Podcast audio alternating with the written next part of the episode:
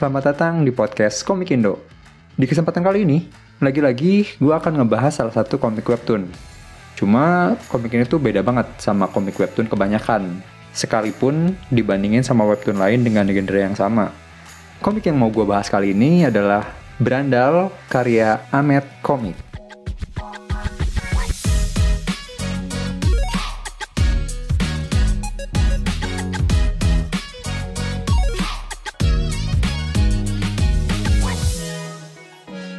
Mungkin lu nyadar ya, untuk autor komik ini tadi gue nggak nyebut nama atau nama pena dari seseorang. Tapi Ahmed Komik ini adalah sebuah tim atau studio kali ya, bisa gue bilang. Soalnya untuk yang kontribusi ngerjain komik ini tuh bisa 5, 6, 7 orang. Dan personilnya pun ada yang berganti gitu. Jadi gue nyebut nama studionya aja lah ya. Oh iya, mungkin kalau lu kenalnya Meta Komik, iya itu studio yang sama dulu mereka pakai nama Metacomic, tapi karena satu dan lain hal, salah satunya karena username dan SEO sosial media, sekarang mereka ganti nama jadi Amet Comic. Untuk komiknya sendiri, Brandal terbit pertama kali saat Webtoon Kontes 2021. Komik ini terpilih sebagai komik paling ciat dan unggul sebagai komik dengan genre action di kontes itu. Pada akhir kontes, komik ini keluar sebagai juara dua dan berkesempatan jadi Webtoon official dan setelah berselang sekitar satu tahunan, barulah di tanggal 15 November 2022, komik ini kembali terbit sebagai webtoon official. Premis dari komik ini sendiri adalah balas dendam seorang berandal atas kematian orang yang ia cintai. Kata berandal sendiri di komik ini diartikan sebagai pendekar tanpa padepokan. Komik ini punya rating remaja atau dewasa karena pas lu buka komik ini, webtoon bakalan mastiin kembali apakah lu sudah berumur 17 tahun ke atas atau belum? Jujur aja, sebenarnya gue rada telat tahu komik berandal ini. Gue taunya waktu udah di penghujung season 1, sekitar akhir Februari atau awal Maret kemarin lah. Waktu itu gue ngeliat live Instagram antara tim Amet Komik ini dengan komiko senior Ervan Fajar. Setelah perbincangan di live itu, barulah gue penasaran dan baca komiknya. Oke, mungkin pembahasannya gue mulai dari universe dulu kali ya, biar kebayang. Soalnya tadi kan gue sempat nyebut berandal, padepokan, pendekar. Berasa ini ya, zaman Wiro Sableng gitu. Tapi enggak, setting waktu komik ini tuh cukup modern.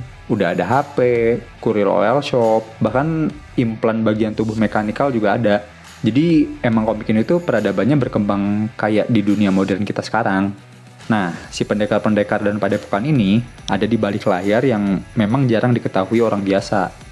Untuk setting tempatnya sendiri, komikusnya bilang emang kepengen nangkep suasana Indonesia, terutama kota Surabaya yang jadi referensi utamanya. Ya, walaupun memang kondisinya tidak 100% sama dengan Indonesia atau Surabaya yang asli, tapi gue masih ngerasa bisa nangkep suasana lokalnya sih. Ditambah lagi beberapa dialog mereka pakai bahasa daerah yang ngebuat jadi makin believable dan gua yang baca pun bisa relate sama daerah tempat kejadian komik itu berlangsung. Terus untuk karakternya, karakter utama di komik ini adalah seorang laki-laki bernama Tommy. Ya, kayak yang gue bilang soal premisnya tadi, dia adalah berandal yang jago berkelahi dan bucin. Sebenarnya gue masih belum bisa banyak ngasih komentar sih soal karakter Tommy ini. Bahkan gue masih belum bisa nentuin gitu, apakah dia itu tergolong sebagai anti-hero, anti-villain, atau bahkan mungkin villain. Gue sebenarnya mau sih ngulik lebih jauh, tapi takut spoiler, jadi ntar aja gue bahas di sesi terakhir. Nah, selain Tommy ini ada karakter lain juga, kayak Yasmin, Mahesa, Fauzan, yang mana menurut gue justru beberapa dari mereka karakterisasinya udah lebih jelas dari Tommy sih. Ya mungkin bisa dibilang dapat perkembangan karakter duluan lah. Tapi tetap aja, mau gimana pun mereka ini karakter yang ada di sekitar Tommy saat dia mau nyampe tujuannya. Lanjut lagi ke ceritanya. Sebenarnya untuk komik ini di season 1 itu gue masih belum bisa ngasih kesimpulan penuh sih. Cuma kalau gue perkirakan, komik ini lebih condong ke tipikal yang plot driven. Soalnya kayak yang gue bilang tadi, selain dua atribut utama dari si main karakter, gue masih belum nemu cerita yang ngikutin karakter developmentnya dia. Ditambah lagi, ini kan komik yang ceritanya untuk balas dendam. Nah, biasanya cerita dengan narasi kayak gitu tuh ada setengah misteri atau detektif-detektifannya gitulah. Ya maksud gue kayak film terkenal itu aja deh, yang diperanin Liam Neeson, yang punya frasa epic, I will find you and I'll kill you. Itu kan dia harus nyari tahu dulu tuh, balas dendamnya ke siapa, terus udah gitu nyari jejak orang yang dicari gitu. Ya di komik berandal ini pun akan ada hal yang seperti itunya. Cuma biasanya yang ceritanya fokus di plot tuh nggak bakal lempeng-lempeng aja ya, dan akan lebih kompleks kemungkinan. Tapi, gua rasa strong point utama di komik ini tuh bukan di situ. Kayak yang gue bilang di awal tadi, komik webtoon ini tuh beda banget. Bahkan dari komposisi tim dan cara pengerjaannya pun beda dari kebanyakan webtoon yang gue tahu. Soalnya webtoon ini adalah komik action yang lak... Gue mau ngomong laki tapi ada penggemar cewek juga sih. Ntar gue dibilang bias gender lagi. Ya pokoknya maskulin banget lah. Nggak banyak babi bu, hajar, hajar, hajar. Lu nggak bakal kekurangan deh asupan adegan fighting di komik ini. Ini bisa gue bilang webtoon yang dengan gagahnya melawan arus perwebtoonan Indonesia dengan caranya sendiri. Keren. Jadi, menurut penilaian gue, komik ini tuh komik yang secara pribadi gue suka, tapi mungkin tidak untuk semua kalangan.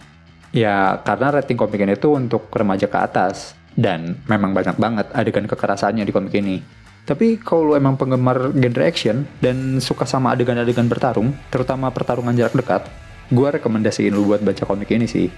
Soalnya kalau gue disuruh memberi tanggapan komik ini dalam tiga kata, gue bakal ngasih jawaban gelut, gelut, gelut. Karena memang seberandal itu komik ini. Dan yang paling gue suka dari komik ini pun tak lain dan tak bukan adalah adegan bertarung yang didukung sama art style yang pas gitu. Eh, tapi walaupun banyak adegan kekerasan, menurut gue pribadi, komik ini tuh masih bisa dinikmati. Maksud gue ada kan beberapa komik yang banyak juga adegan kekerasannya tapi dengan sengaja ngasih visualisasi kayak isi perut muncrat lah otak keluar keluar lah pokoknya yang gore-gore gitulah. Gue tuh nggak begitu suka sama yang gorengnya over. Ya satu dua masih oke okay lah tapi kalau berlebihan dan terus-terusan hmm, not my type lah nah menurut gue komik ini tuh walaupun banyak adegan bertarung dan berdarah-darah tapi masih sopan lah visualisasinya gue masih amat sangat bisa menikmati gitu. Ya intinya ini komik maskulin banget lah pokoknya. Oh ya, ada satu alasan lagi kenapa gue ngomong kayak gitu. Dan mungkin ini bisa dibilang adalah komik berantem yang sesungguhnya. Karena pertarungannya tuh nggak cuma terjadi di panel-panel komik, tapi terjadi juga di kolom-kolom komentar. nggak percaya? Coba aja lihat sendiri. Untuk informasi kelanjutan komiknya sendiri, saat ini Amet Comics sedang mempersiapkan season 2. Apa ya istilahnya? Mungkin nabung episode kali ya. Soalnya di season 1 tuh mereka berjibaku banget sama deadline. Dan di season 2 ini mereka mau ngerjainnya nggak terburu-buru lah. Walaupun belum ada tanggal pasti, tapi mereka ngejanjiin satu hal. Mereka akan kembali. Iya. yeah. Untuk hal-hal terkait studio dan komiknya, bakalan gue taruh di deskripsi kayak biasa. Dan setelah ini bakalan ada pembahasan lebih lanjut yang mengandung spoiler. Jadi kalau lu nggak mau kena spoiler bisa dicukupkan sampai di sini. Tapi kalau lu udah baca atau nggak masalah sama spoiler, kita ngobrol lagi abis ini. Jangan lupa dukung terus perkomikan Indonesia, bukan hanya karena nasionalitas, tapi juga karena kualitas. Sampai ketemu lagi di episode berikutnya. Dadah!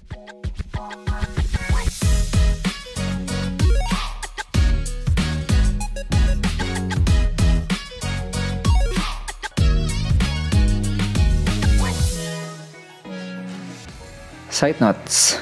Oke, okay, gue mau langsung masuk ke hal yang ngeganjal gue aja ya. Yaitu soal karakteristik Tommy yang tadi gue bilang. Apakah dia itu termasuk anti-hero, anti-villain, atau justru villain? Soalnya dia nggak mungkin banget termasuk hero. Masa iya hero? Ada orang yang cuma mau ngehalangin masuk warteg. Ya warteg pendekar sih, tapi kepalanya langsung dipelintir gitu. Dia juga bodo amat lagi. Ada anak kecil yang mau kena hantam si Iron Hand ya gue pribadi kayaknya lebih condong ngerasa dia punya karakteristik anti villain sih. Tapi karena penokohan si Tom ini masih belum banyak yang dibuka, gue belum yakin-yakin amat. Dan karena hal itu juga sih, gue jadi belum bisa relate sama karakter si Tommy ini. Terutama masalah yang dia sedesperate itu pas kehilangan si Yasmin gitu. Soalnya gini, ini pendapat gue doang ya. Yang baru kepikiran sama gue, kenapa Tommy bisa sehancur itu pas Yasmin mati itu ada dua yang pertama, nilai dia terhadap sebuah nyawa. Yang kedua, sebutin apa dia sama orangnya. Nah, buat yang pertama, emang kan orang memandang value sebuah nyawa itu beda-beda. Tapi buat Tommy yang menyandang gelar berandal dan katanya dulu ada berandal yang membantai satu padepokan sampai entek, habis, rada aneh aja sih kalau dia tidak menyadari nyawa orang bisa hilang semudah itu. Terus yang kedua soal bucin dia sama Yasmin. Sebenarnya ini fine-fine aja. Asalkan gue sebagai pembaca bisa ngerasain bucinya si Tommy juga gitu. Nah, kan masalahnya pribadi si Tommy ini masih banyak yang tanda tanya gue nggak tahu gitu apa aja yang udah Tommy rasain dan lakuin sama Yasmin selama ini. Intinya, gue masih belum nangkap secara penuh kemarahannya si Tommy. Dan gue berharap di season 2 ini gue bisa lebih memahami kemarahan si Tommy sih. Ya, gue rasa ini mah karena belum di reveal aja. Komik ini bisa kok ngasih perspektif yang cukup ngena, bahkan hanya dengan satu chapter, pakai karakter sampingan lagi. Terus gue juga mau bahas lagi kenapa menurut gue komik ini beda banget, bahkan untuk webtoon yang satu genre. Lo boleh coba cek deh webtoon-webtoon action lain yang kebanyakan memang didominasi dari luar. Tipe gambar dan pewarnanya tuh ada kesamaan. Nah, Brandal ini di chapter-chapter awal tuh udah kerasa banget bedanya. Bahkan gue kaget dia bisa memenuhi deadline mingguan dengan tipe gambar kayak gitu. Di akhir-akhir emang ada penyesuaian sih. Ya, cuma kita lihat aja nanti pas season 2 keluar bakalan kayak gimana. Terus gue juga suka cara mereka ngambil judul di tiap chapternya. Kalau tahu referensinya kadang suka ketawa sendiri gitu. Kayak Pak Kris dan Keris, terus ada T4 Wur, Bakamen, sama itu Devil Bad BAD Ghost. Dan terakhir gue sebenarnya rada bingung sih di season 1 ini dia kayak belum ngasih konklusi apa-apa gitu belum nyelesain masalah apa-apa, belum ngalahin musuh besar, nangkap targetnya belum, dan kalau konklusinya emang ketemu sama targetnya, harusnya udah beres di beberapa chapter sebelumnya dong. Tapi ternyata gue terkecoh. Abis baca lagi chapter terakhir season 1, gue baru ngeh. Semua ini tuh cuma perkenalan doang. Kayak baru ngenalin key karakternya aja. Fauzan the Troublemaker, Tommy the Brandal, Mahesa the Iron Heart, Ya, ending season 1 yang sangat open ini jadi ngebuka ruang diskusi juga ke pembacanya sih. Akankah Tommy berhasil balas dendam? Apakah hasil resolusi dari keteguhan hati Mahesa? Benarkah Fauzan dengan kepengecutannya itu dalang dari semua keributan ini? Dan siapa juga mas-mas yang minum susu anget di warteg? Luar biasa memang, pantas aja halaman komentarnya jadi arena bertarung para pembaca. Autor-autor sama adminnya emang hobi mancing kerusuhan kayaknya.